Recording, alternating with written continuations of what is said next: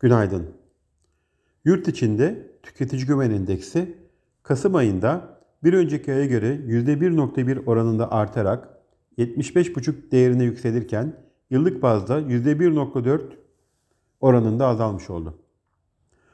30 Kasım'da yayınlanacak büyüme verisine ilişkin ankete göre katılımcılar Türkiye ekonomisinin 3. çeyrekte ortalama bazda %5.5 büyüyeceğini tahmin ediyor.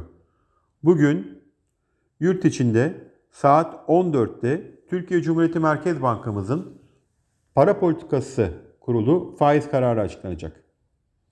Piyasa beklentisi politika faizinin 250 bas puan arttırımla %37,5 seviyesine çıkarılması yönünde. Yurt dışında ise Amerika'da piyasalar Şükran Günü nedeniyle kapalı olacak. Avrupa tarafında ise öncü PMI verileri takip edilecek. Bu sabah Asya piyasaları karışık bir görünüm sergilerken Amerika'daki vadeliler yataydan işlem görüyor.